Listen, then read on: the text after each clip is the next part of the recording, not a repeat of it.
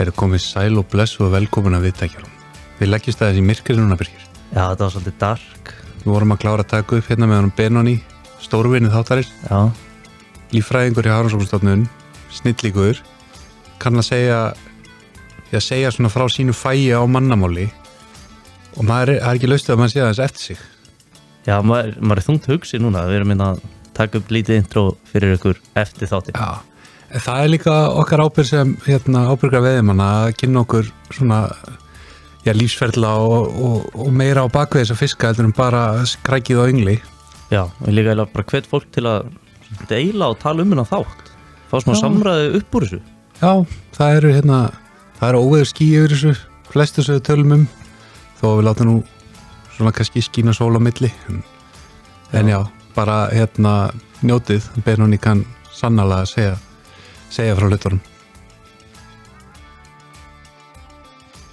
Benoni, velkomin í Hilin, aftur. Takk fyrir það. Herrið, við sitjum hérna á fullöldistæðin, 1. desember og hérna, langar maður að spyrja að þetta er svona svolítið merkilegu tími hérna hjá, hjá fiskunum hjá okkur. Hvað er í gangi ánum okkar bara núna? Veiðtíminn er löngu búinn og allt það. Já, þetta er þetta, þetta er merkilegu tími. Það er rigningatímin er afstæðin og, og lagsfiskarnir okkar, þessi kynþróska lagsfiskarnir, þeir eru margir búinir að skila hlutverki sínu. Að vísu eiga sömur þeirra eftir að koma aftur Já, og sem verð.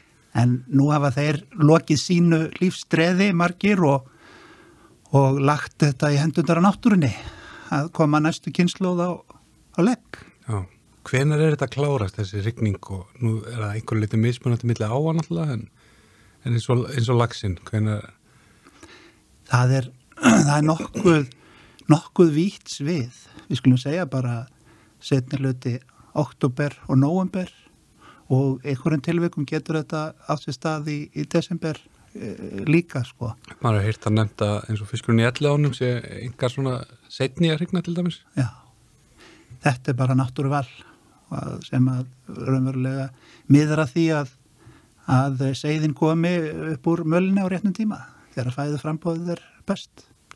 Ok, hvenar eru, þú veist, nú er, nú er regningin afstæðin, þessir, þessir, ég ætla að hérna, ef við, ef við fókusum á laxin, um, þá eru þeir að horfa fram á hérna langan kaldan vetur eða þá bara að, að hérna, degja drottni sínum, en hvenar er næsta kynslu að skriða upp á mölni? Það er næsta, það er næsta vor. Það fer umverulega bara eftir tíðafarinu. Hvenar það, hvenar ef það er, ef það er hlýtt vor, þá getur það verið fyrr. Hvað er fyrir, er það apríl eða? Já, það getur þess vegna verið april og annars er þetta, annars er þetta setna og sumustöðum getur þetta verið enn setna og farið eftir í júni. Já, ok, alveg, alveg svo segt. Já, það fyrir bara eftir tíðafarinu, hvernig, hvernig raunverulega vorkoman er.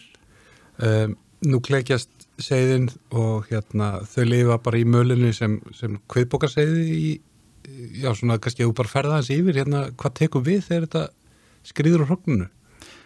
Já, það er reyndar svona forstigi, það er, það er svona, það er kviðpóka stigi, það er nú raunverulega bara síðla, síðla vetrar sem að þeir komast Já. á það stig, sko. og eru rauninni ekki frísendandi, líka bara Jú, þeir eru, geta hreift sig og annað en, en taka ekki fæðu, taka enga fæðu og svo bara þegar að kviðpókin er búinn þá kemur þessi kvöt að fara að afla sér fæðu því að það er búið allt úr kviðpókanum þá þurfa þau að synda upp á mölni til þess að fara að geta spreita sig þar.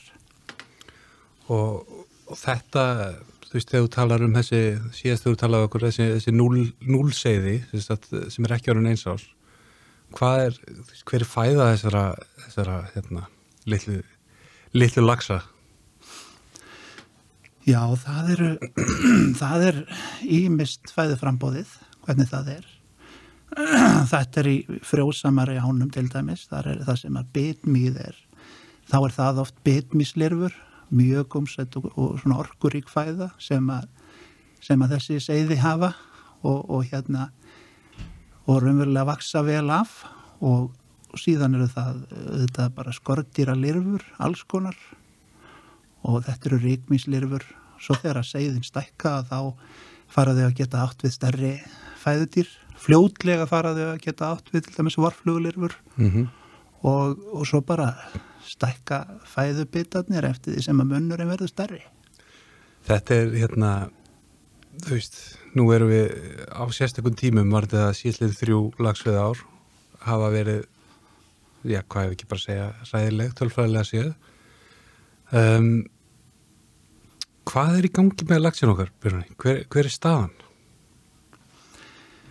Sko það við höfum náttúrulega verið að sjá það á í nokkuð langan tíma að það sem að það hefur sérstaklega vanta stórlagsin að honum rakaði bara þarna upp úr 1900, hvað var þessi 85 að þá bara reynur stórlagsa, reynja stórlagsastofnarnir og það verða miklu minni heimtur að stórlagsi úr sjó. Mm og svona það er svona höfuð ástæðan. Uh, í Noregi til dæmis þá, að, þá eru þeir að segja það að nú séu þeir að fá helmingi sem sagt færri lagsa úr sjó heldur en þeir fengu svona 1980 og það má segja kannski að það sé svipu saga hér á landinu það var til dæmis, við vorum nú áallega það núna nýlega að, að heildarstofnin laxastofnin sem gekk úr hafi á öllu Íslandi hafi verið um 40.000 laxar. Þetta er mjög lítið Já. miða við það sem var þegar það var hér mest af laxi. Hvað heldur þetta að verið fyrir, þú veist, fyrir þessa, já, við tökum bara 1980 eða eitthvað leiðis, bara til að nefna Já einhverju tölu. og, og fyrir sko, ég meina þá erum við að tala um það að það hafa verið yfir 100.000 laxar sem að hafa gengið. Ég er nú kannski ekki með tölun alveg í, í kollinu en þetta er, þetta er mikið, mikil svona mingun sem er orðið þarna. Við erum að tala um kannski 60% fall á við mannsæfi. Ég það getur verið það. Þetta er einhver smá tölur. hafið gefur minna af sér í, í lagsa uppskýrun úr sjó. Það er, það er eiginlega svona ógnunin sem við stöndum frammi fyrir hér. Og þetta sama er á ferðinni í Noregi. En þar hafi, eru ógn, ógnaninnar mun fleiri heldur en hjá okkur. Mm Það er náttúrulega búið að vera viðvarandi sjókvíaeldi í áratugi og það er gríðarlega mikill, mikill svona uh, auka álagsþáttur í Noregi sem veldur afföllum og það er bæði, bæði er það afföll og, og eins er það náttúrulega lagsalúsin og, og sjúkdómar sem að tengjast uh, þessu, þessu lagseldi og svo er það þetta strókulagsar úr eldinu sem ganga í átnar og þeir geta í mið og vestur Noregi erum að tala um sko 20% Já. hugsanlega af þeim fiskum sem gangi í átnar og þetta er náttúrulega það sem menn óttast hér á Íslandi að geti gerst Og þetta er náttúrulega lagsar sem að, þú veist, er ekki, hafa ekki gengið í gegnum þetta náttúruval hérna, og eru þá að geta af sér eftir ákvæmi sem er ekki að hæfa lifa við náttúrunni. Já, þau eru, þau eru bara alls ekki aðlöguð aðstæðunum í þeim vassföllum sem að, og þeir eru bara því umhverfi það sem að næsta kynslu verið til, sko. Það hefur ekkit náttúruval átt í stað og rannsóknir sína það að að hefnin er miklu, miklu minni. Nú Og að, hérna, Núna nýverið til dæmis að þá þá voru voru hérna alþjóðleg samtök sem að norðmenn eru með deild í að þeir voru að setja vilda norska lagsin voru voru að setja hann á válista voru að setja hann á, á, á rauðan lista sem að þýðir það að þeir, þeir meta það svo að lagsin, vildi lagsin sé í útrýmingarættu þetta er náttúrulega sláandi orð, útrýmingarhætta, en þetta er bara raunverulega staðan. þetta er raunverulega staðan og, og hérna og þetta eru þeir bara í miklu meiri vandræðum þeir, þeir eru að sjá þetta líka þeir eru að fá minni heimtur úr hafi á, á viltalagsinum eins og við en svo er þetta viðbótur álag sem að þeir hafa svona miklu meira af, af eldinu sko.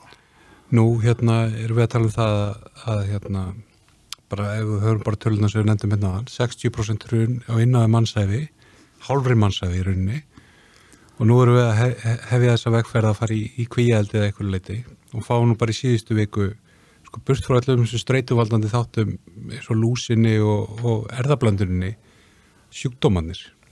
Það er búið að greina hérna, í sam já, já, já. Hann var að koma þessi ísa veru sjúkdómur sem að e, náttúrulega hefur leikið normenn grátt og færinga, skota og, og hérna einnig líka raunverulega í Ameríku, Norður Ameríku líka. Og þetta er mjög skeinuhætt veira sem að veldu sjúkdómi og, og afföllum uh, í eldinu sérstaklega. Og við erum að tala um að þeir eru að fá sko svona það eru, ef ég, eitthvað stað sá ég það að, að afföllin daglega afföll úr, úr kví getur verið ykkur stóra bilinu 0,1% upp í 1% og þegar að vest grassirar að þá fer þetta upp í 90% afföll Og þetta getur borist úr eldinu yfir í náttúrulega fuska. sko það, það er ekki ekki stóra vandamál Ekki stóra vandamál. Nei. En vissulega þá hefur þessi veira, hún hefur greinst í, í viltum lagsi og meiri sér lagsa segðum en, en hefur ekki gert óskunda þar, hún hefur líka greinst í bara í sjóbleikju og, og í sjóbyrtingi Mhm. en veltum þið fyrir okkur hvernig komst þetta hingað? Það finnst mér áhugaverð spurning því að e, þegar ég var til dæmis á ferðinni ringin í kringu landið sumar og kom á við á austfjörðum eh, þá sá ég það á, á Eskifyrði að þar voru þrýr brunnbátar við Bryggju. Enginn þeirra var með eh, íslenska, íslenska skráningu. Þeir voru með norskum nöfnum. Þetta eru skip sem að koma hingað og, og ég veit ekki til þess að er, er eitthvað eftirlit með þessu? Í fréttonum núna í haust að þá erðu við greint frá því að það hafi komið skip á vestfyrði sem að sem að tók raunverulega lifandi lags um borð. Og þetta var slátrunarskip. Uh, ég, þetta gengur ekkert að vera þvælast með hennar búnað hér á, á milli landa. Þetta bara opnar fyrir alls konar smitt uh, hættu. Ég, þú færir ekki úr kjúklingasláturhúsi að milli kjúklingasláturhúsa með, með, með skurðabrættið og, og hérna ætla svo til þess að salmonalan sé lokuð afvöxtar. Nei, það er sko af og frá Við erum með sóttvarnarhólf hérna, eða hvað er þetta í, með, með sökindina til dæmis? Reyðuhólf og annað, en, en þetta er skortur regluverki hérna og, og eftirliti, kannski. Já, það, það, ég, þarna þarf að nota líka heilbriða skynsemi, sko, það, þetta, þess, þessi sjúkdómar koma bara allir hingað ef að, ef að, ef að menn taka þessu létt og það er ekki farið eftir uh, reglugerðum og, og, og, og því sem að svona bara almenna smitvarni segja til um, sko. En höfu við og munum við einhver tíman hafa, þú veist, ef að áformum um stækkun og eldurinn áfram að ganga burði til að sinna þessu eftirliti og eftirvildinu með þessu að einhverju kapacitet. Jú, þetta getum við það ef að það eru setti peningar í það. Það er bara það sem að greinin þarf að greiða fyrir. Mhm. Það bara sér það hver maður. Já. En lobbyisminn alltaf á móti sem að þegar það er alveg ljóst að þeirra sterk ítök í pólitíkinu þetta verður, þetta verður erfiður róður, grunamann. Já, sjálfsagt verður það. Og ég svona, ég þakka nú stundu fyrir að vera, vera ekki, ekki að vinna á matalastofnun eða á fiskistofu þegar að þessi málefni ber að koma. Nei. E, því að áskurinn er stór og að þurfa að raunverulega að kippa öll í liðin og gera regluverkið og eftirlitskerfið klárt og til þess að falla bara ekki í sömu grifjur og norðmenn gerðu. Mhm. Þeir eru búin að læra gríðarlega mikið þeir eru meira segja vilja að kenna okkur en það er einhvern veginn eins og það sé ekki mikið, mikil vilja hér til að taka við þeirra reynslu og læra af henni. Nei. Það er meira svona, fær maður tilfinninguna þessu kannski að notfæra okkur, notfæra sér okkar reynslu leysi. Þessi ég- fyrirtæki allavega. Ég meina bara þetta sem ég nefndi með þessa báta og sem að sér er að þælast hérna mellir landa. Mhm. Auðvitað segja þér, ég meina við sóttreynsuðum bátan og annað en er það gert á réttan hátt? Maður Mhm. spyr sig að því og hefur ykkur eftirlit með því að svo sé og er það yfirleitt mögulegt? Er þetta ekki tæki sem þurfa bara að vera hér og hvergi annar staðar? Mhm. Því að það er alltaf, það er nú hans erfitt að sóttreynsa stórt skip. Ná, algjörlega, hljómar eh, svona ógerandi verkefni. En hvernig hérna, þú veist, þú talar um að, að hafi sér að skilja okkur færi lögsum. Um, við höfum svona, já, finnst mann ágætis, ágætis hugmyndum stöðuna í ánum, við getum mælt þar segðin og svona. Hvað tilfinningu hefur fyrir því hvað er að gerast í hafinu? Af hverju er 60% rurun á, á 40 árum? Ef ég hefði nú svarið við því, hérna, Þess vegna hafði ég tilfinningu þarna inn í, inn í Já. þessari spurningu. sko það sem að, það eru nefnilega svo margir þættir sem hafa áhrif. Auðvitað höfum við þessar nattrænu lofslagsbreytingar sem að hafa áhrif á hafið auðvitað líka Golfstrauminn og, og, og, og hérna sjáarströma og annað. Svo líka annað, sko, það er, það er einn áhættu þáttur en mjög líklega er þetta fleiri þættir, bara samverkandi þættir sem við höfum bara ekki Nei. getað skilið ennþá. En ég minna svo eru líka við kannski skiljum ekki heldur alveg til fulls áhrif uh, til dæmis bara hvað, hvað er að koma mikið af unglags í, í meðabla Mm uh, í, í, í hérna veiðum uh, bara veiðum á í hafinu sko. Þetta þekkjum við ekki alveg til hlítar Nei. og ég menna við erum með að veiða í starri, sífælt starri veiðafæri út í sjóu með, með meiri tókgetu á, á skipunum og tógrunum og, og þetta það skal engi segja mér að þetta sé alveg með fritt spill Nei, það er nú alltaf einhverjum lögsum skilað og svona en, en já, það er náttúrulega orðið greiðlega framfærir á, á veiðabúnað og veiðafærum á þessum 40 árum líka náttúrulega. Já, já, það var auðvitað orðið það og, en, en þessi unglags er, hann er viðkvæmur sem er í hafinu, það er löst á hann hreistrið og segjum að hann komi kannski ekki fram í afla, hann sé, hann sé að ganga í flótroll og, og smjúi þar og, og afreistrist, þetta er, það er, þú veist, þetta við höfum bara því miður ekki þekkingu, það er nægilega miklu á þessu.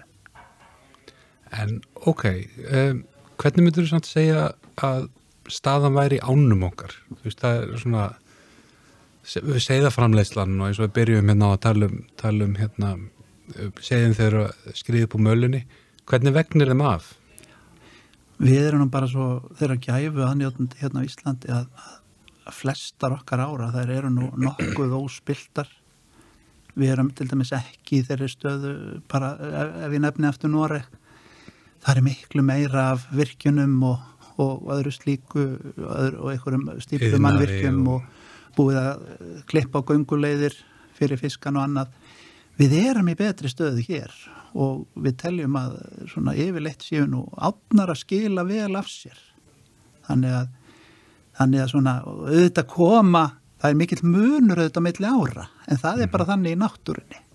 Við sjáum það koma köld ár og, og þá sjáum við það bara hösti að seiðin hafa vaksið minna það sumarið heldur en sumarið áður, áður þegar var hlýrra. Við auðvitað sjáum þetta. Og, og á yngsta árganginum þessum sumargömlu seiðum þá getur það þýtt það að þau hafa ekki náð nægilegri stærð og, og, og verða viðkvæmari veturinn eftir og, því verða mun meiri afföll af þeim árgangi. Þetta er alls konar svona þættir sem að hafa þarna áhrif Sko við erum alltaf hérna svona kannski frekar veiði bransa megin í þessu og menn er alltaf að leitast eftir því að að lofa einhverjum meðaltali einhverjum sko einhverjum stöðuleika í þessari vöru. En, en man, maður er alltaf að leita eftir stöðuleika í náttúrun en náttúrun er bara í eðli sínu óstöðug og sveiflikjönd hún er það. Hún er það sko. En það er, það er auðvitað það er alltaf þetta meðaltal sem að fer í gegnum þetta. Já, já, en þú getur ekkert þú getur ekkert alltaf verið á því. Það er bara, þurfum við kannski að fara að horfa á eitthvað nýtt meðaltal, nýjan veruleika bara? Hætti að gera ráð fyrir að lagsastofnin sé 100.000, hann er bara 40.000 í dag. Já hann er það við núna erum búin að klúðra 60% á hann á 40 árum. Það sem við eigum bara einbett okkur að það er það að að gæta hófs í, í umgengni við auðlindina. Og það á við um alla aðila. Það á við um opinber og þið opinbera og það á líka við um veiðimenn. Það þarf að ganga vel um, um þetta og, og, og einmitt að leifa já, lagsinum og bleikjunni og örriðanum að, að bara ná sér að sjálfstáðum það er, það er það sem að, þetta snýst um sko. Við komum mitt oft inn á það hérna, í þessum þætti að, að hérna, við erum til, til helvítið sé hellulegur góðum ásetning og, og við höfum nú reynt ímislegt til þess að reyna að rétta lagsin við, seiðasleppingar, sumaralinn seiði og, og það nýjasta, hérna sem að strákarnir í veiðifélaginu hérna, í nógutunum 17, samstagsæðalum þáttarins, báðum með maður að spyrja þeim. Það virðist verið eitthvað svona tíska með hrognakraft menn er að hérna, þú veist, menn vilja nota öll þessi búsvæði, alla læki upp fyrir fossa og, og jafnvel auka á regning og náttúrulegum búsvæðum. Hvað er það er það að fara að bjarga okkur að menn sé að vaða með fötur með hrognum í út um allt? Nei, aldeilis ekki.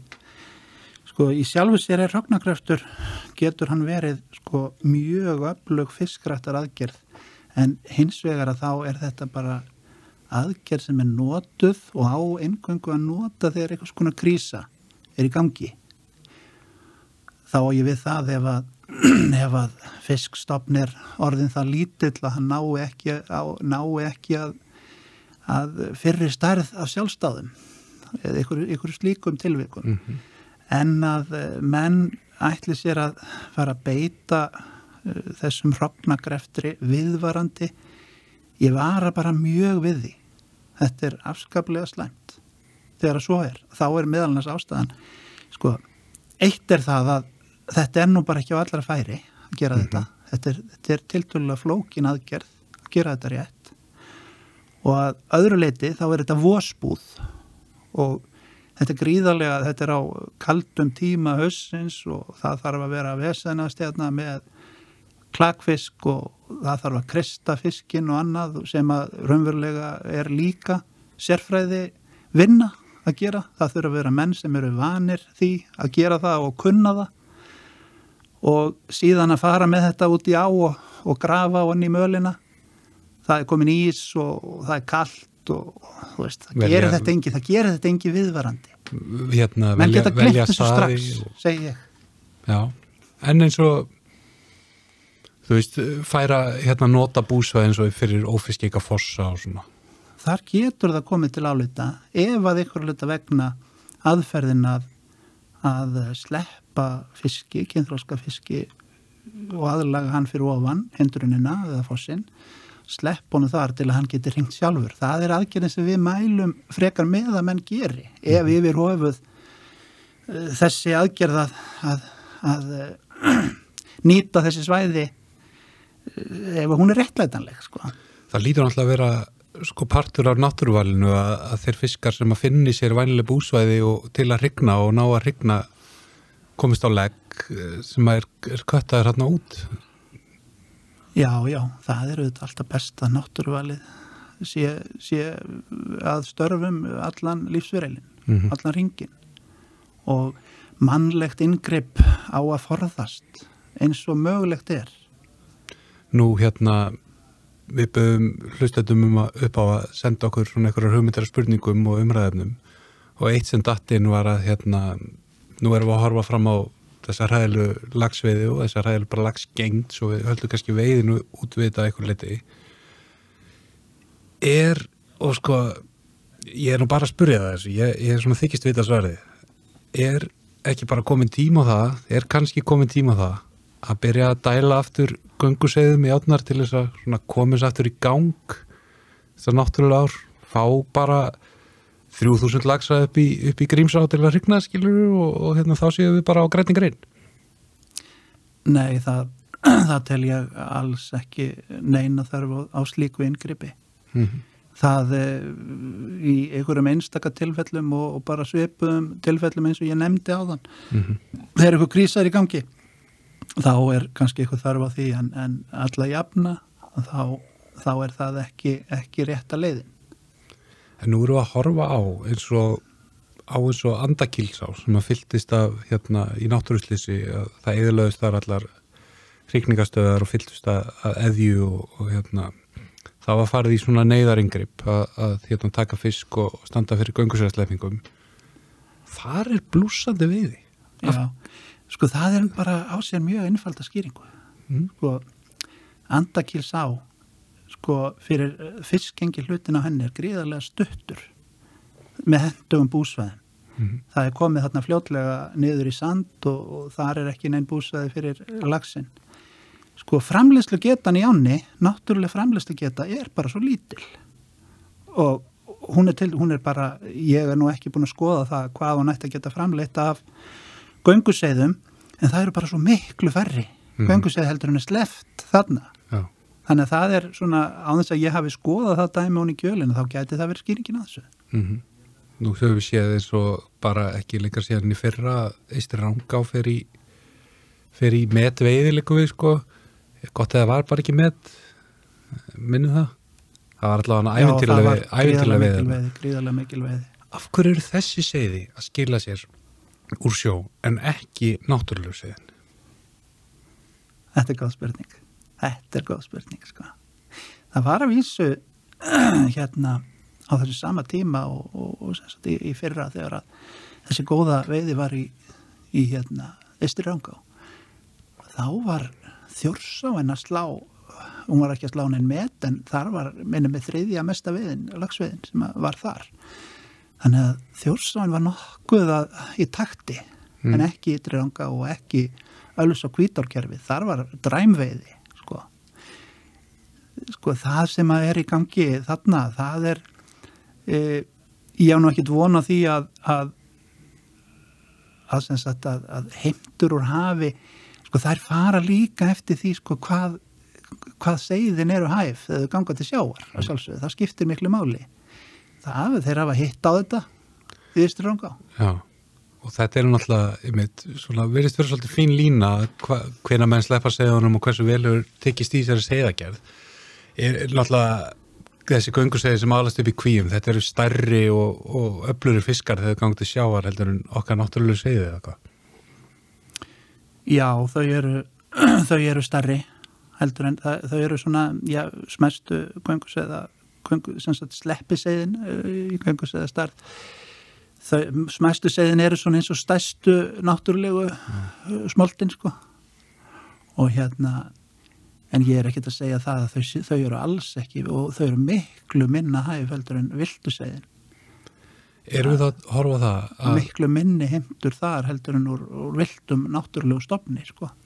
ok, þá, þá sko, dettum hann strax í hug, sko, eru þessi segði, þetta magg sem hefur verið sleft hérna gegnum tíðina, bara ef við tökum bara síðsliðin 30 ár, hafa, sko, hafa þau verið að keppa á fæðuslóð? Gæti það verið að, þú veist, náttúrulega er hafið stórt og svona, og þetta er ekki, ekki þannig tölur kannski, en Nei, þetta er, þetta er ekki það þetta er ekki það stóra tölur að það hafi áhrif sko mm og veist að við verum að tala um að það veru ef við verum ykkur í 20 miljóna segða og, og annars líkt að þá geti það bara að telja en þetta held ég að hafa ekki það, þetta Dropi hafið. já ég held það nú sko er einhverja líkur á því? Og náttúrulega nú var sleft segðum hérna í, í nánast bara hverja einustu sprænu þangað til bara tiltöla nýlega göngusegðum, ég vil í, í vel sjálfbarar ári borgarfyrði og annað að við séum bara farin að sjá ég vil í það að hæfni einstaklingarna sé minni til að lifa af í, í hérna í þessum ám og, og ljúka sínum lífsferðli Nei, það er ekki það. Sko, fyrir það fyrsta þessi göngusæðsleipingar að það er svona eiginlega megin þátturinn í því að, að menn hættu þessu. Það var bara, þetta borgaði sig ekki. Það voru bara það voru bara það lágar endurheimtur sem menn voru að fá. Að það svaraði engan veginn öllum þessum kostnaði sem að menn voru að setja í þetta. Og við sjáum bara í, rángar dæminu þar hafaði náttúrulega áratuga reynslu og ætti að vera orðið ansi góður í þessu og gera þetta betur en einhverju sem er að hafa minni reynslu skiluru að þeir ég get ekki síðan að þeir berjast í bökkum. Þetta er alls ekkit stórgróða fyrirtæki við Nei, vitum það. þetta er skafmið hvert skipti? Já, það er það og, og það má vel að segja kannski að ég meina flugleir er að græða á þessu. Þeir eru að selja flugmiða út Já, þetta. Þetta er náttúrulega, já, það gríðarlega kostnaður sem vilkir þessu. og svo líka þessi, þessar smá segða sleppingar sko, uh, þar sem menn hafa verið að sleppa uh, sagt smáseiðum lagsa og þannig að þau eru eitt, tvö ár í ánni og gangi síðan til sjáar það var mjög litlar heimtur en minni heldur en eh, ef um náttúrulegan ferila öllu leiti sé er að ræða sko. Það er bara auðvitað fóður. já, getur verið það sko. En hérna, nú var bandarækjumenn mikið, mikið spælt í þessu eins og þú veist, þú nefndir að, að þeir eru náttúrulega búin að stípla mikið að sínum ám og svona á vestströndinni fyrir þar sem að uh, regnbóðsílungur hefur svona löngum verið sjókingin sko og hafa þá á móti sleft mikið að segðum eða bara sleft fiskum í rauninni og tala mikið um að hérna, þessi fiskar sé að geta sér afkvæmi sem að séu þá óhæver til að lifa af í, í náttúrulegri hringrás. Ef við myndum taka ákvörðunum það í dag að bjarga íslenska lagsastóttunum með göngursæðasleppingum, hvar væru við eftir hundra ára um eins og hætta því? Sko þetta er náttúrulega svo ólíkt Mhm. þarna eins og í bandaríkjónu sko þarna á vestuströndinni þá, þá er það ekki bara regnbói ég meina þær eru með uh, kyrrafslagsa sem eru ala þeir eru ala seiði og, og, sleppa smolti. Og þar erum við að tala sko miljónir seiða. Og þeir eru með seiðastöðvarnar já, oft tengdar einhverju stíplu og, og hérna, þú veist, þetta er ægilega mikil starfsemi hjá þeim. Þetta er oft verið svona, og þetta er, þetta er dýrt þetta kostar þetta peninga og, og hérna uh, veist, þeir eru að reyna að bjarga einhverju en ástæðan þarna er svo að það eru bara, það er búið að loka farveginu fyrir fiskin það er voru settar þarna virkjanir eða beða stiplur af einhverjum or, öðrum orsökum heldur en orkuvinnsla sko. Og, og það, þarna eru þeir bara í að reyna að reysa við það sem að fyrir var sko. Já, þetta ég, svona, ég veit ekki alveg hvaðan hérna, við færum okkur aftur til Íslands ég veit alveg að, að það eru menn mikið að velta þessu fyrir sér. Þessu andakilsár dæmi telja að þarna sé komin bjargvætturinn. Mhm, förum að gera þetta og við erum alveg farnir að heyra það að menn hafi ymsar hugmyndir og langar að, að auðvitað skil alveg uh, tilgangin hjá mennunum já, og, það var við að tekja fiskur í klakki. já, já, já, já, og ég veit það og það er að aukast þrýstingurinn á að, að taka ennett ringin á þessu. E, þetta þetta mun ekki leysa vandan hann einu leiti og, og hérna eftir já, þú nefndir hundra ára þarna, við skulum bara segja eftir tíu ára, þá munum menn sjá það. Já. Hérna, nú er annar, hérna, annar leikmaður komin í þessa, þessi kerfu okkar líka, á svona meiri krafti, er svona, verið skemmtilegur, já, kannski ekki skemmtilegur, en, en það hefur svona borist aðeins fréttir svona reglulega gegnum áratugina, einn og einn núðlags aðeins dótt eitthvað stórfæri og, og hérna, þótt bara fyndið eða, eða svona létt dægufluga. Nú er svolítið önnu mynd að teiknast upp og sérstaklega í sumar. Við sáum þetta byrja fyrir tveimur árum og hætti að tala um sprenging í sumar. Hvernig, nú er þú aðeins kynntir núðlagsinn, hvað við að sjá? Já, það er veldisvöxtur. Já, á, á, á þessum áttatölu árum.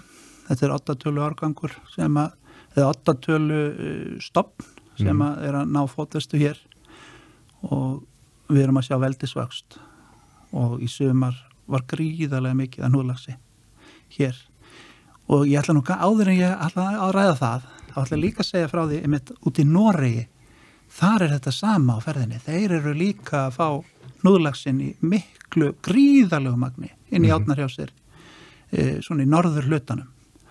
Og það er meðal annars svona e, það er einn af leikendunum einmitt í því að ég var að nefna það að það væru svona halvu ofinber samtök sem hefðu sett viltalagsin á, rauðan lista. Það var einmitt þessi hætta af, sem að væri frá núðlagsinum en hérna á Íslandi að þá er má ég að segja bara núðlagsin hann er að koma um allt land. Hann er að koma alveg sérstaklega mikið á norðausturlandi og hefur verið svo á síðustu árum. Og um allt austurland uh, það er svona kannski minna á, á suðausturlandi en þar eru þetta dæmi líka.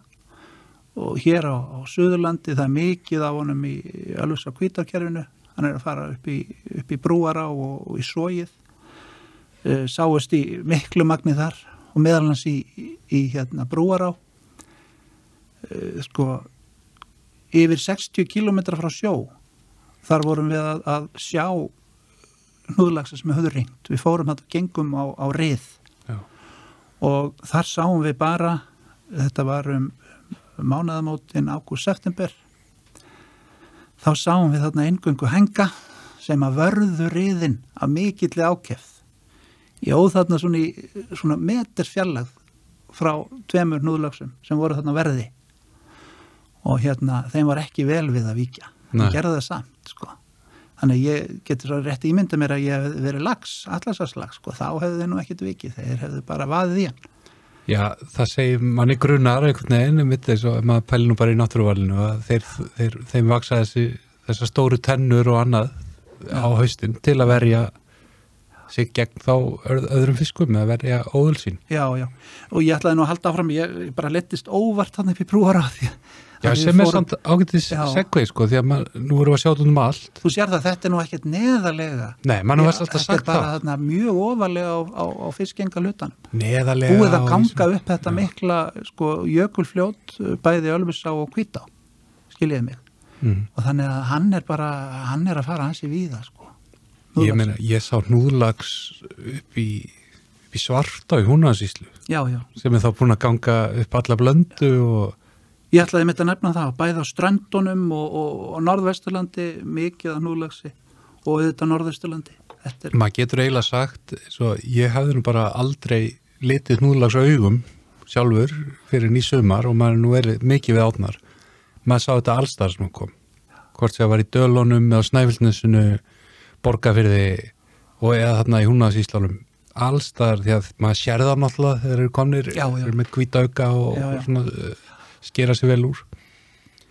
En eru við eitthvað ertu eitthvað farin að gera þér í hugalund hvaða áhrif þetta mun hafa á okkar fiskistofna sko, fyrir nokkrum áru síðan þá þetta vissi enginn og hafði kannski enginn engin svona séð beinlinis uh, ummerki hrygningar eftir núðlags.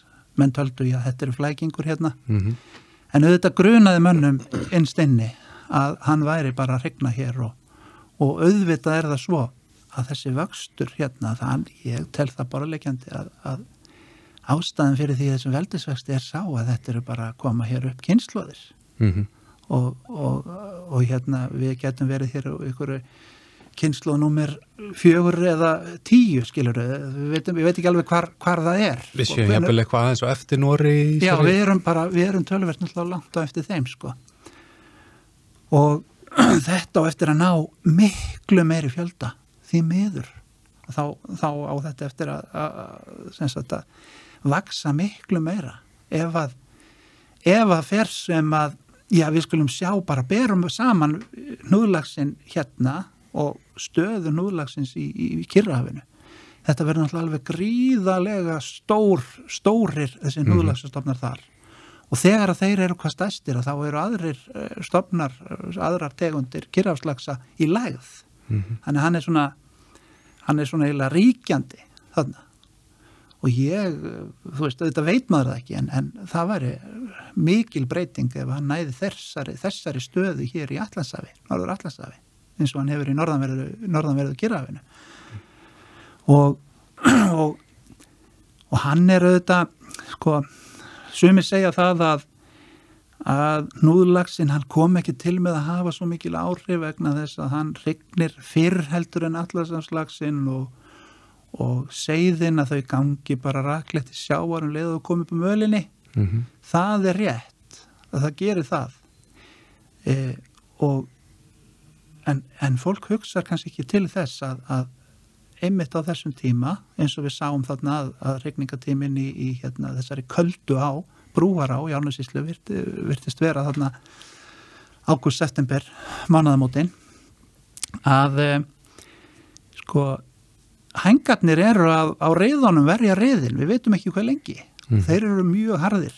Og ég er ekkit viss um það að að allansafslag sem að kæmi og alla þeir eru að nýta mjög svipaða botgerð til regningar, nota semst með öðrum orðin svipaða svipaða korn, eh, svipaða svona Reyðmöll svipaða riðamöl eins og lagsinn að hann er bara hann, lagsinn kemur þarna svæðið og, og hugsanlega verður það stærsta áskurinn að, að núlagsinn raunverulega hann bara ítur honum frá ítur honum bara um burtu frá aðgengilegum regningasvæðin Já, svo þú veist, tala nú ekki um þegar einhver massin að þessum núðlagsi verður orðinn krítiskur, þú veist, hundruður einstaklinga á hvern allansaslags eða eitthvað svoleið, sko. Já, og sjáðu það einmitt, sko þarna, það er svolítið merkilegt sko eins og þarna í alveg svo kvítakerfinu að við erum að sjá hann helst í þessum köldu lindám, sko sóginu og brúar á þetta eru, það eru hann verist, hann verist hendunum vel sko, margar miklu hlýri ár heldur en, heldur en þær sko.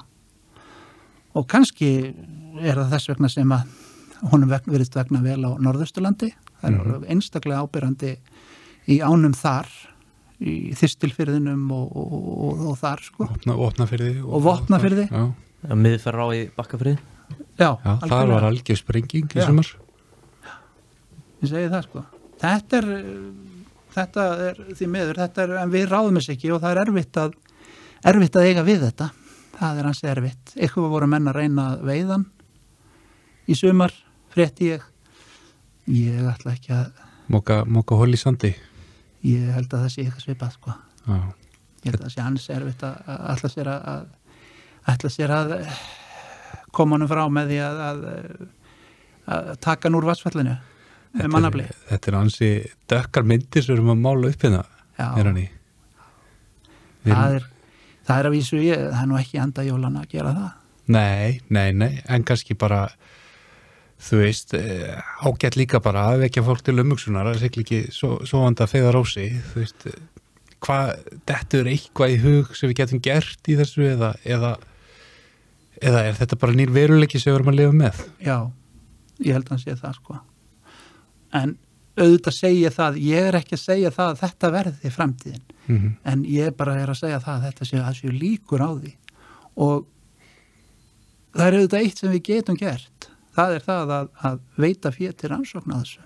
Mhm. við erum bara allt og lítið að, að gera í þeim efnum. Það er að vísu, það er að vísu rannsóknarverkefni í gangi hjá okkur núna á Hafrannsóknarstofnun þar sem við munum til dæmis bara fylgjast vel með þessu sem að, já, við örðum vitni að þarna í, í brúará.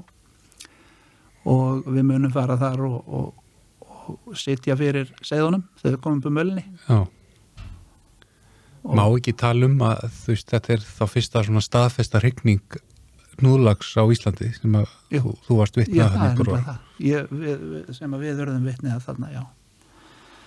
Ég hef ekki, ekki heyrt það staðfest áður. Nei. Þetta er dark nefnilega sko. Það er, það er víða sótt að þessum blessu lagsfiskum okkar sko. Já, já, já, það er gert. Það en hérna en þeir eru duglegir. Þeir mun ekkert þeir degi ekkert út, bara til löst allast að slagsinn já, Já, já, það nei, nei, þeir, þeir berjast tilbaka en, Já, en, en svona einmitt maður, það eru samleiðar áhrif í þessu. Það er það sko, það er nefnilega málið. Og þetta er sko klassísk dæmi um mannlegt inngrip.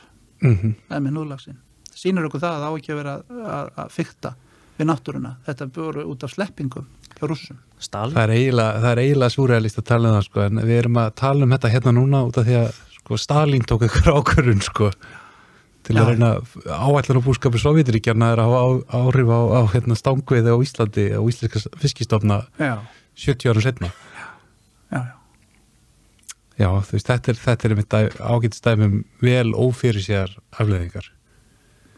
En hérna, það er fleira. Það eru fleiri fiskar sem hafa verið að hérna, sækja sér veðri hérna og, og, og flundran en nú svona góð kunningi okkar stangveiðumanna á svona mörgum ósasvæðum.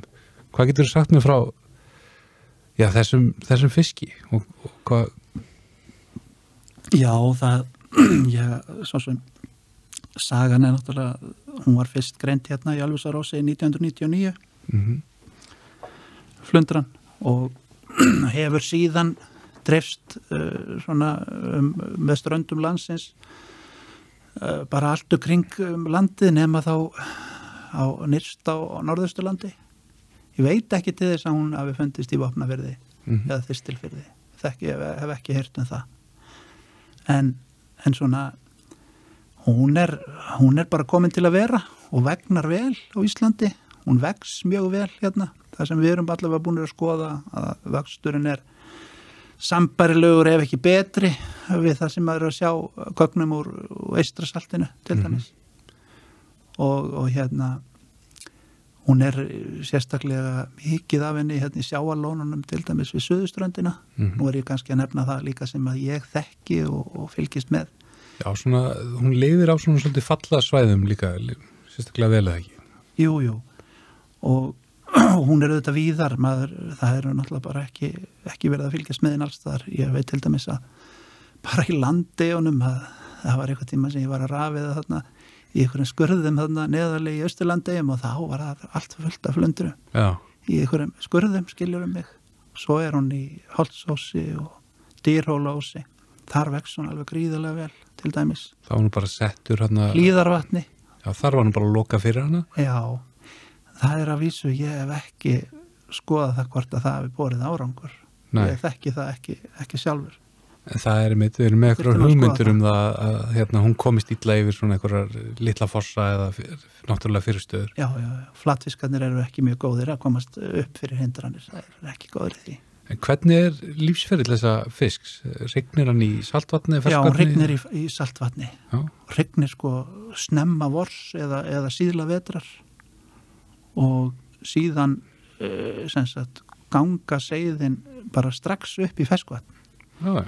þá bara um sumarið eftir þá eru þeir að koma örsmá upp í átnar og um, eru þar í nokkur ár þar til að kynþróska náð þá ganga þetta sjáar Mm. og regna og koma síðan aftur upp. Þetta eru fiskar sem geta ringt oftar en einu sinni þeir geta ringt marg oft flundurinn verða ekkert mjög stórar. Við, man, stærsta sem að ég veit hún var ykkur 36 cm afskaplega góður matfiskur. Já, já, vannmetin þar. Þetta er svona svipað og að smakka rauðsprettu. Þannig að það er ekkert að útiloka það að hún getur orðið til nýtja flundran, hún er mikið, mikið veitt í Danmörku. Já, var það ekki? Danmörku, Já. Pólandi og, og víðar í þessum Eistrasaltin og í Norðursjónum sko. Þetta er auðvitað fínt í, í raspi og ná rúbröð með, með, með remolaði, sko. mjög gott sko. og svo eru líka, það eru sko, ég sagði þetta hún hefði komið þetta 1999 menn veit ekki alveg ennþá hvernig, hvernig hún kom það eru svona það var allavega lífsegkenningin um það að hún hafi, hafi komið raunverulega lirfur, fisklirfur með kjölfestu vatni Já, til Íslands.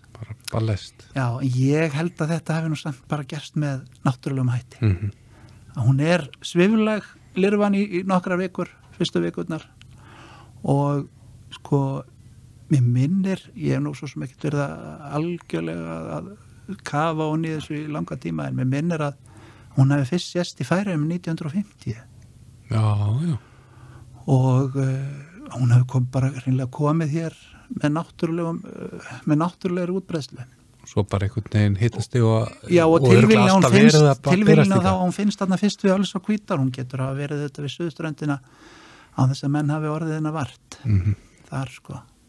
En það er í gangi núna, ég ætla að segja líka frá því, það er aðtilsvert sko, það er ung stúlka sem er eh, í doktorsnámi og er í, hérna, er á vestfjörðasetri í Háskóla Íslands. Hún er einmitt að kanna þetta, uppbrunnan á flundurinu, hún er að gera þarna erðaransókn bera erðaefni íslensku flundrunar saman við eh, erðaefni færisku flundrunar og annara flundru í vestur-Európa. Þessar niðurstur ættu að vera eitthvað staðar núna bara sjóð þetta á borðinu jafnvel hjá henni. Sko. Já, ok. Þannig að við getum kannski komið til botsi hvaðan þessar flundur koma upprunlega. Við, við getum það með erðafræði. Það er magnað maður. En nú vissi ég þegar, þú veist, hvað, kannski 10-15 ár síðan, þá heyrði maður að því að það stæði svona til að rannsaka já, hvaða áhrif koma flundurinn að væri að hafa mögulega á bleikjuna og, og hérna, já, bara aðra sílungastofna sem að nýta sömu búsvæði eða, eða allan ungviði nýtir mikið til sömu búsvæði. Mm.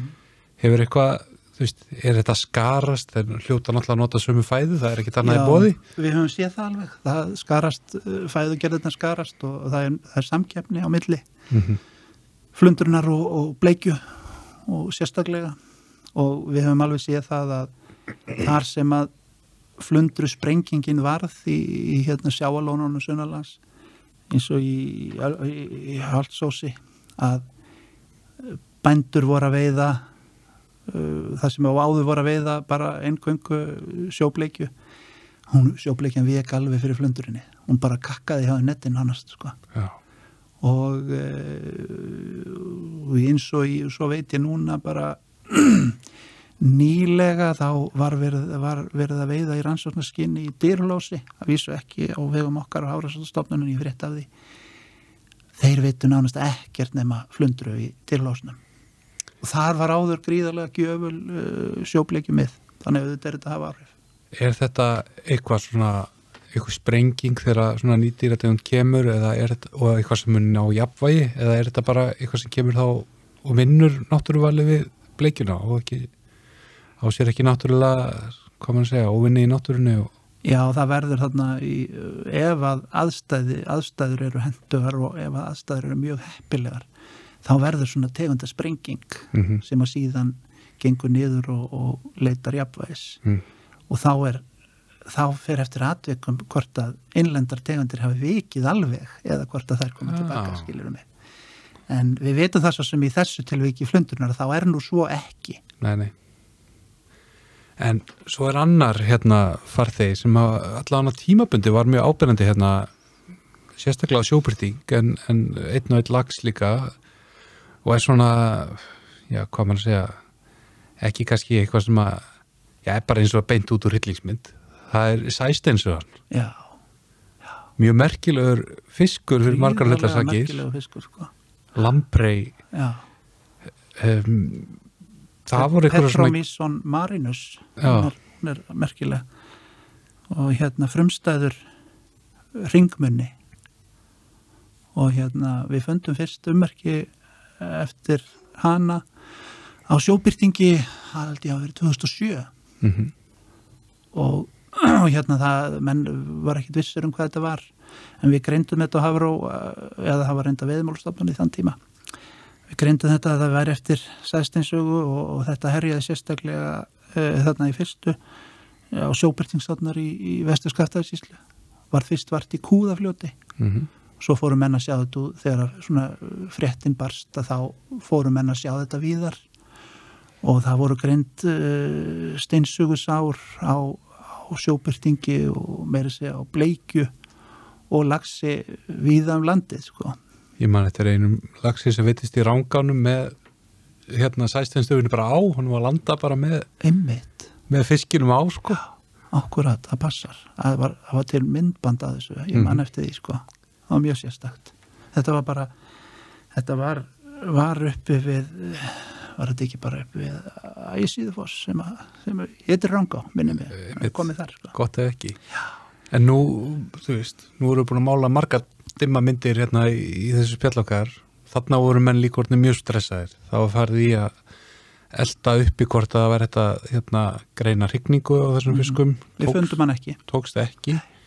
Og þetta er svolítið fjarað út. já, maður sér þetta þegar maður veði stóran sjóbyrting í dag í skaftaðarsýslu sér maður stundum gömul sár já, en ekki ný nei það er samt, við, jú, jú, við, er svona, við erum að sjá þau en í miklu minna mæli heldur en var þarna 2007 til 2011 Já. miklu minna mæli og sem betur fyrir að þá hefur þetta gengið mikið tilbaka og mér finnst það benda til þess að, að fyrri álíktanir frá því raunverulega miðja og fyrir hlutan á 20. stöld um að sæsteinsugan væri hér flækingur að, að það sé en svo mm og, og hérna við höfum við höfum séð það á þessu sama tíma og, og við vorum að sjá þetta á sjóbyrtingnum að þá voru sjómenn á Íslandsmiðum sérstaklega við söður og bara í að söðausturdjúp og söðurland og líka á, á Reykjanesrygg þá voru þeir að fá sæsteinsugur í aflanum hjá sér. Þeir voru að sjá hana meðalans fast á Ufsa og, og Þorski. Og eins bara hangandi utan á bátunum. Og þetta var að Já. gerast þarna raunverulega á sama tíma. Þannig að það var hérna eitthvað það kom hérna bara eitthvað skot Mhm. sem kom allt í nú gríðarlega mikið. Talandi um að þetta hafi ekki sérst í smá tíma Við fengum einn í, í september. Já, já, Bara nýtt sár sko. Þetta er nýtt sár. Já, já. Það er alveg greinlegt sko. Það er einn og einn flækingur en þá að sko við erum að fylgjast með þessu áfram hérna, við, við gerum það nú kannski uh, sérstaklega við erum að fylgjast með þessu í, í hérna grænlækjateljarnum mm og þá erum við að sjá svona eins og í núna, reynd, minni reyndar að við hefum ekki fengið neitt sjóbyrtings með, með steinsugusári núna en í fyrra voru þeir ykkur tveir þrýr sko. Já, er það myndateljari? Það er teljari, já. Já. Og, og hérna. En hún er, sko, sæsteinsugan er rosalega dugleg. Hún er, hún bara, það hefur líka, það eru til rannsóknir sem sína það að hún velur stærri fiskana. Þannig hún, hún ræðist frekar á stóru sjóbyrtingana. Er þarna við ósana og, og ræðist á þá og, og getur umverulega drepið fisk. Er hérna, svona, nú þekki ég sjálfur ekki alveg lífsferðið þessa fisks, hún regnir í fersku vatni Já, og hún nýtir sagt, fiskin sem fæðu þá eða. já, hún gerir það.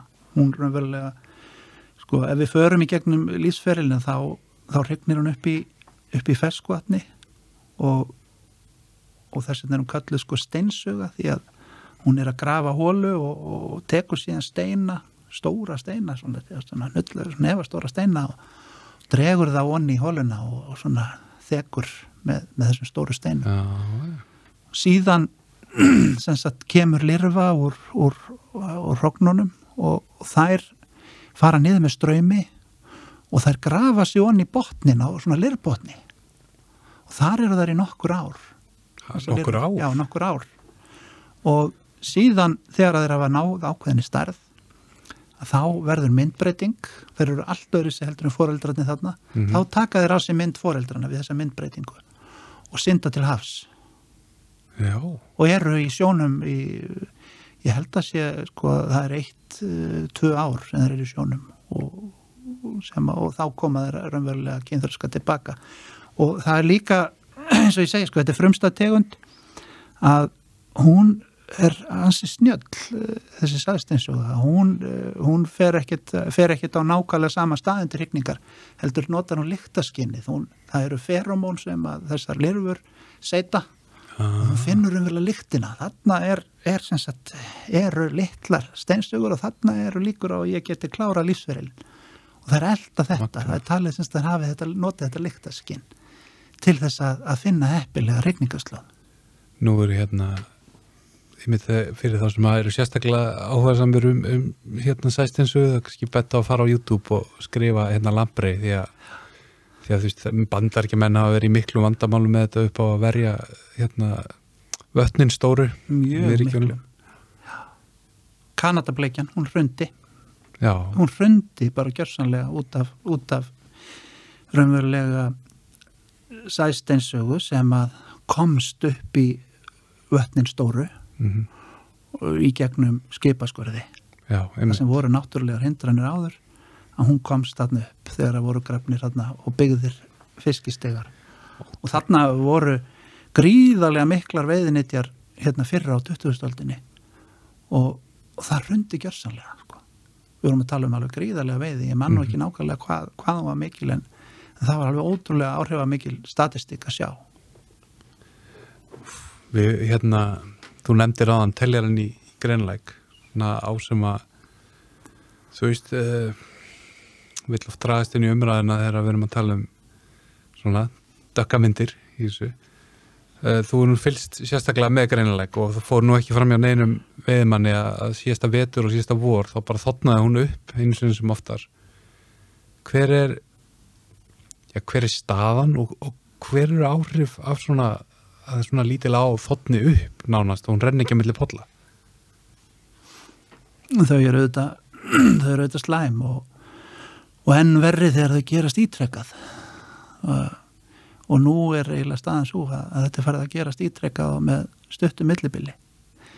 Og þá bara magnast þessi áhrif upp og við höfum núna til dæmis, eh, þú nefndir það réttilega það var þarna mjög alvarlegur eh, alvarleg þotnun í, í, bara í sumar, það byrjaði bara í vor og var bara fram á mitt sumar sem að rann ekki dropi niður eftir grænleik og, og það var 11 km kapli sem var alveg kjölu á þurru sko. og, og hérna en blessunarlega þá hefur nú ykkur hluti af stopnunum lifað þetta af þar að segja fiskur hefur verið gengið niður og átti sjávar.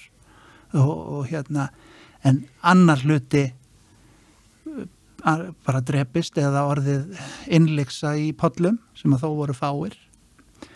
Og hérna við töldum þarna núna í sömar ég er nú ekki með töluna nákanlega upp á fisk sko en þetta voru eitthvað um 800 sjóbyrtingar sem fór í sem að gegnum teljaran við seglbúðir og það er, við skulum bara segja það sé svona einn fymti af því sem að stofnin ætti að vera. Ég held að sé akkurát, ég held að hann Erlendur hafi sagt mér að þetta hafi verið 4000 fiskar um 2000 sem að voru að fara hann í gegn.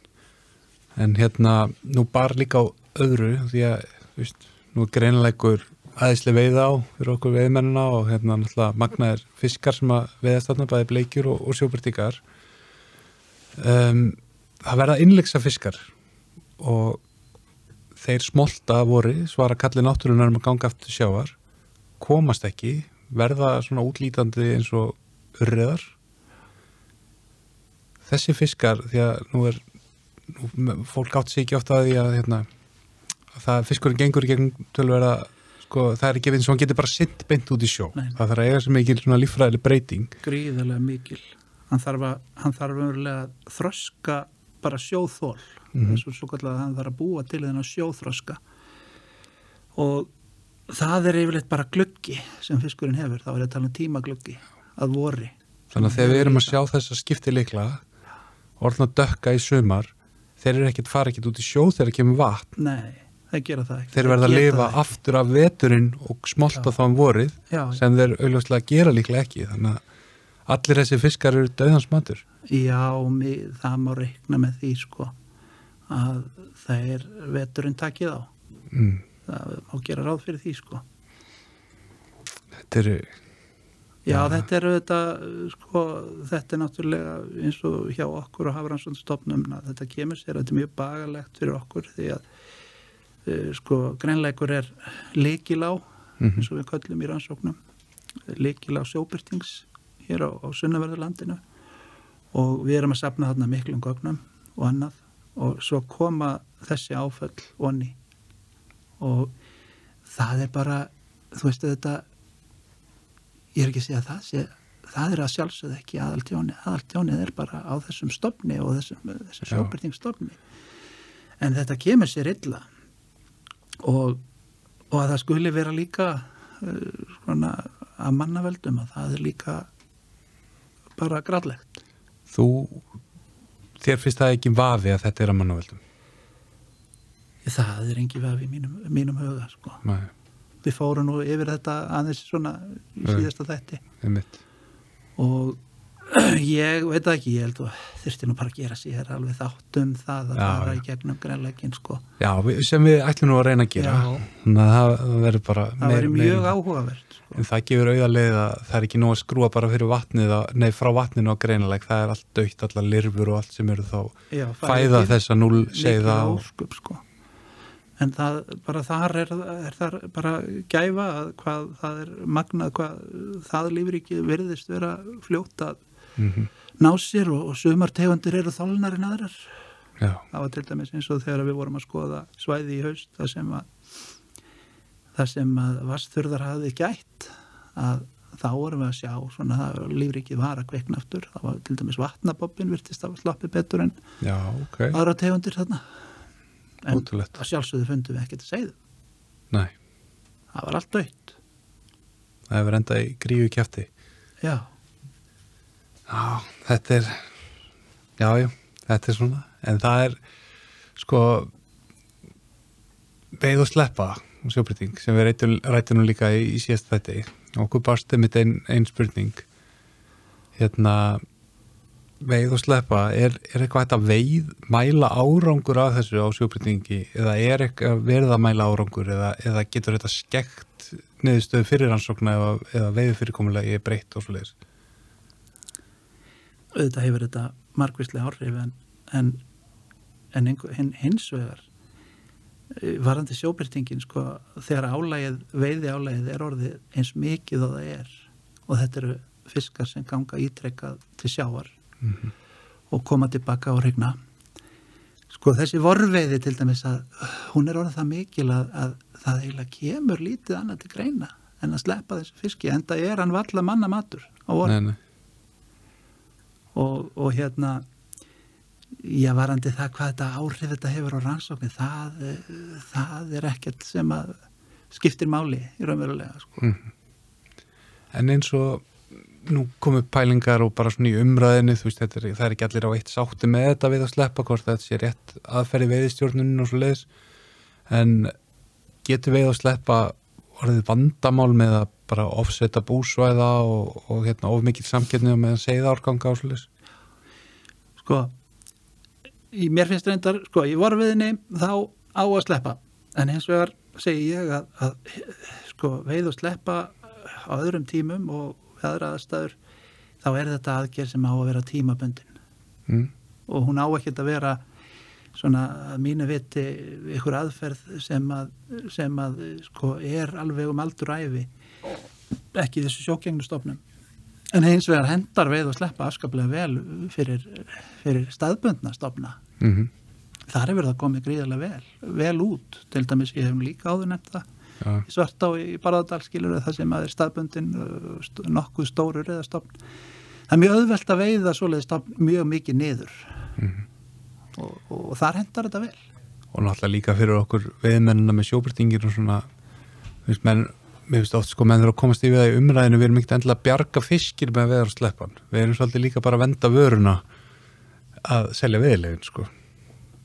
Svo maður sé nú alveg heðalega með það. Já, það, er, já, það er betra að selja bara- fiskir náttúr þetta er líka við sjáum það. Hvað heldur að við hérna på Íslandi getum? Þetta, þessi veiði aðferð veið og sleppa, hún er viðtekin í Ameríku og í Evrópu og hérna við gamla veið manna samfélagið er bara að víkja. Já. það er bara svo leiðis já, og svo bara álag og, og búnaður og, og geta mannsins til þess að ná þessum fiskum miklu meiri heldur en var. Fleiri menn að stunda sportið og allt álægið er miklu meira.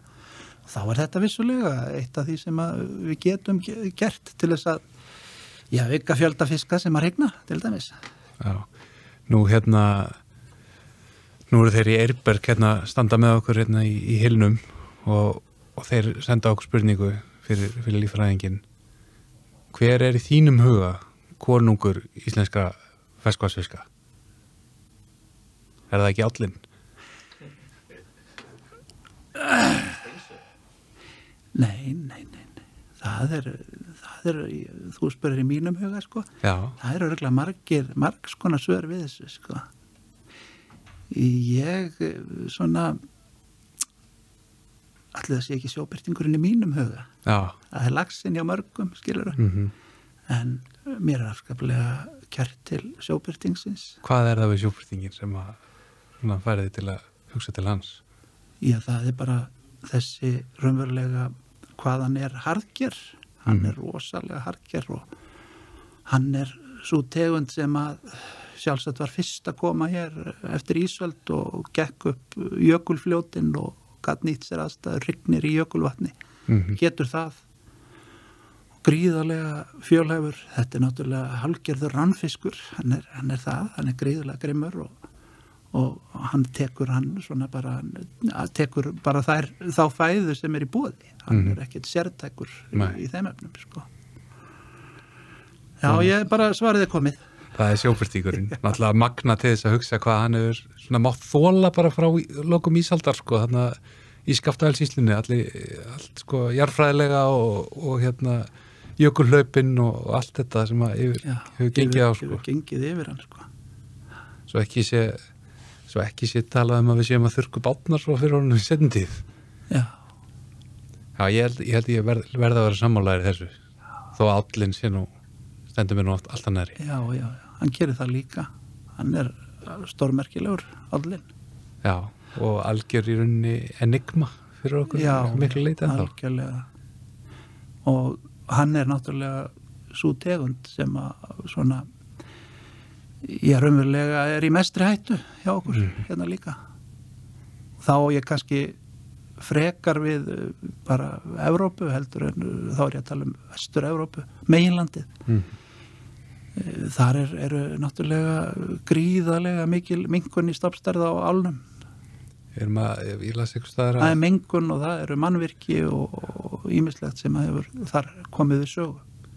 það er 1% það tala, eh, sko, álastofnin við lóksetni hinstir eldar það sé í dag 1% Já, þannig að vonandi komist við ekki þanga með laxin okkar nei, við bara, ef við vandum okkur, þá held ég að hann fari ekki þangað.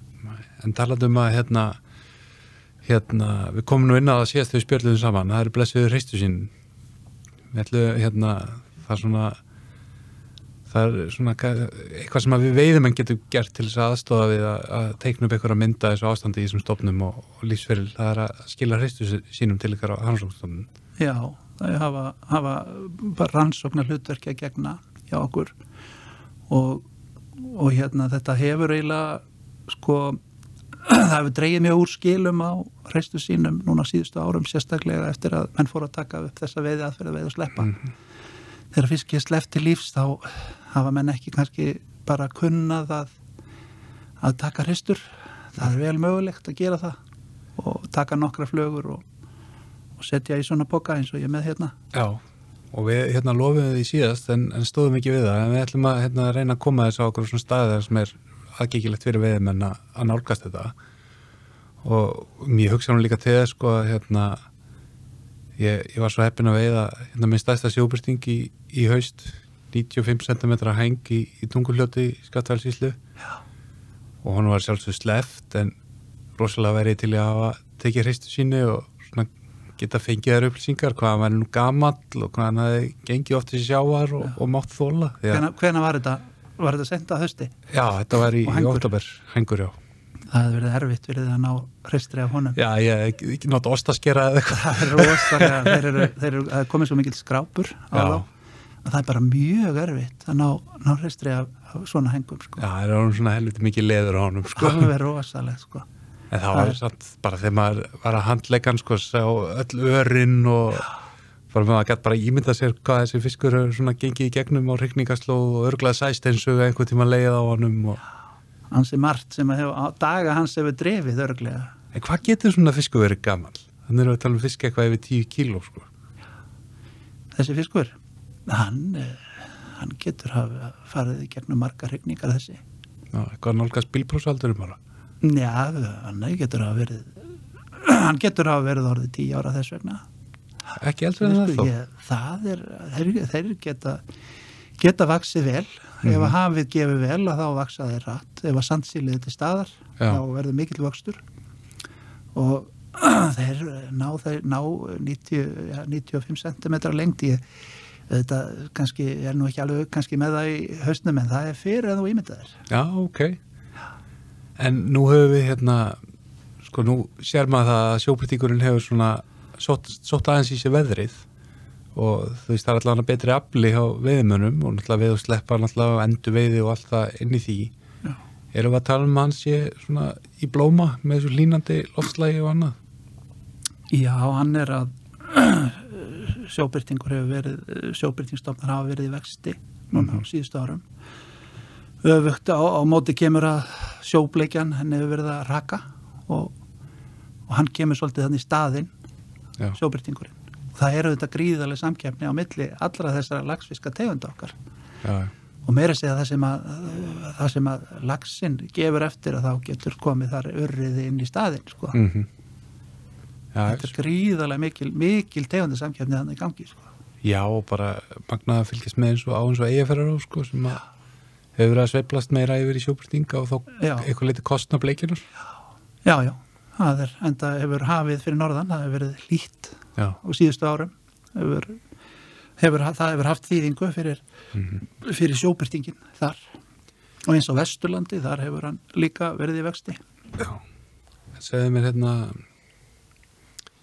listinu tæmdur hjá okkur? Eitthvað fleira sem þið finnst langar að koma á framfæri?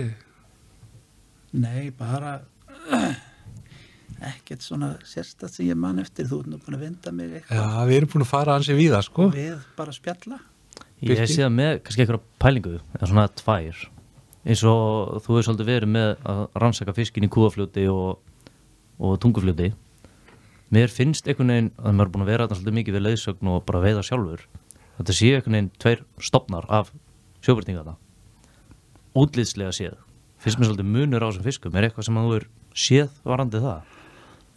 Já, bara sjá aflan sko, þeir hafa nú verið að draga á í Gúðafljóti, bændur og það eru svona hefðbundnar veiðir sem eru mjög lítið stundar í dag en það er þó eitthvað um það þegar maður sér tröllin sem koma þar á netunum það er ekki fiskar, þeir sjást ekki eins og upp í tungufljóti sko. þetta eru bara, þetta er bara jökulva stopn Já, nei, svo þessi stóri sem Sigþór fekk hann er Já. svolítið meiri svona kuppur ekkert rosalega langt andlit og stóra doppur, Já. ljósbrúnar já, já, síðan vikunni fyrir þá kom annar 93 cm land Mm. hann var ekki jafn þykkur svona kuppur fullt af litlum doppum og lengri og lengri haus og hvort þetta sé ferskvarsfiskurinn sem býr bara alltaf upp í Þetta hefur bara verið kúðafljóts sjóbyrtingur sem það komist í þarna.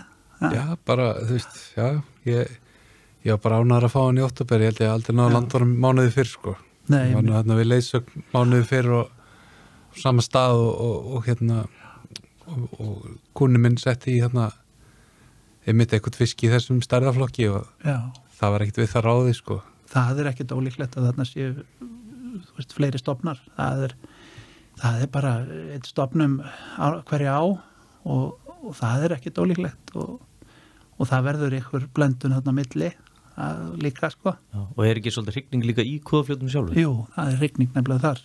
Við erum að finna þarna, finna þarna seiði á fyrsta aldurs ári en bara neðarlega í kúðafljóti þá erum við að tala um bara niður við brú á hringveginu já, og það eru bara afsprengi jökulvarsregningar og í, í kúðafljóti sjálfu.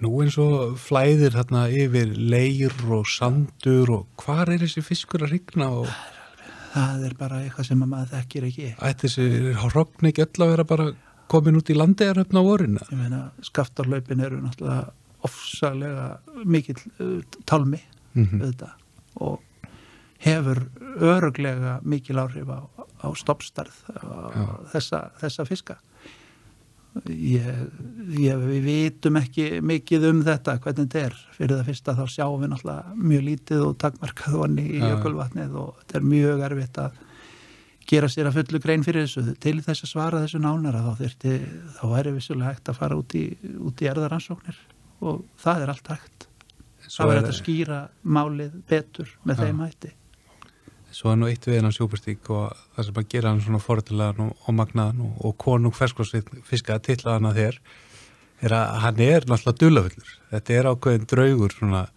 bæði bara þegar maður er að veiðan, maður sé bara þetta byrtufari og annað, hvað hann getur látið sér hverfa bara og undir bakka og þetta er, þetta er það er eitthvað, eitthvað spennandi við að við vitum ekki allt líka en, en auðvitað verður við náttúrulega að sanka okkur. Við verðum að vita eitthvað um þá svo við getum vendað á varveitt. já, já, já, og ég hef áður minnst á það við, við erum ekki að standa okkur nægilega vel í rannsóknum á sjóbyrtingi við þurfum að auka þar við. Benóni, við endum þetta á þessu aukaður ansóknir á sjóbryting. Takk hérlega fyrir komina í hilin. takk sem leiðis